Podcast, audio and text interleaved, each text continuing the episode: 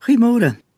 Ons het hierdie week gesels oor Lukas 9 vers 24 dat ek nooit in my lewe weer in enige gegee situasie myself reg of goed genoeg hoef te bewys nie. Dat ons Vader nie foute gemaak het toe hy ons uitgedink het nie. En dit is die rede waarom ons in sy oë goed genoeg is.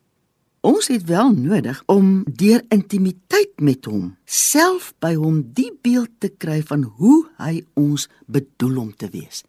En as ons daarby kan uitkom en as kan alles wat ons in die lewe doen voor hom bring, dan beteken dit dat hierdie pad van die kruis wat ons elke dag moet opneem vir ons net eenvoudig 'n groot vreugde gaan word.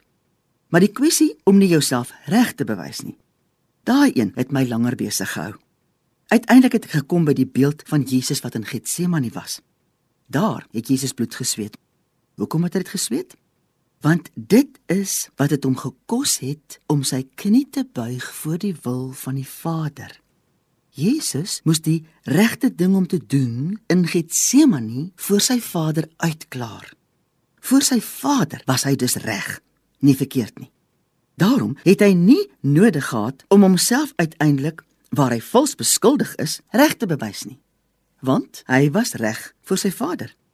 Wie ons het weer eens nodig om in intimiteit met ons Vader seker te maak dat ons handel en wandel, ons besluitneming, ons dryfveer, ons gesindheid in alle dinge moet voor Hom uitgeklaar word sodat ons in Hom die regte manier vind om te doen.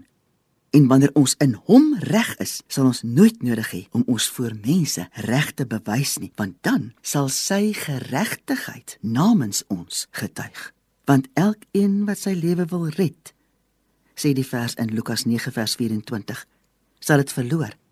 Maar elkeen wat sy lewe om my ontwil verloor, hy sal dit red. Hou op om self te veg. Verloor jou lewe, jouself. Verloor alles wat jy is in Christus en hy sal jou red. Hy is immers ons verlosser.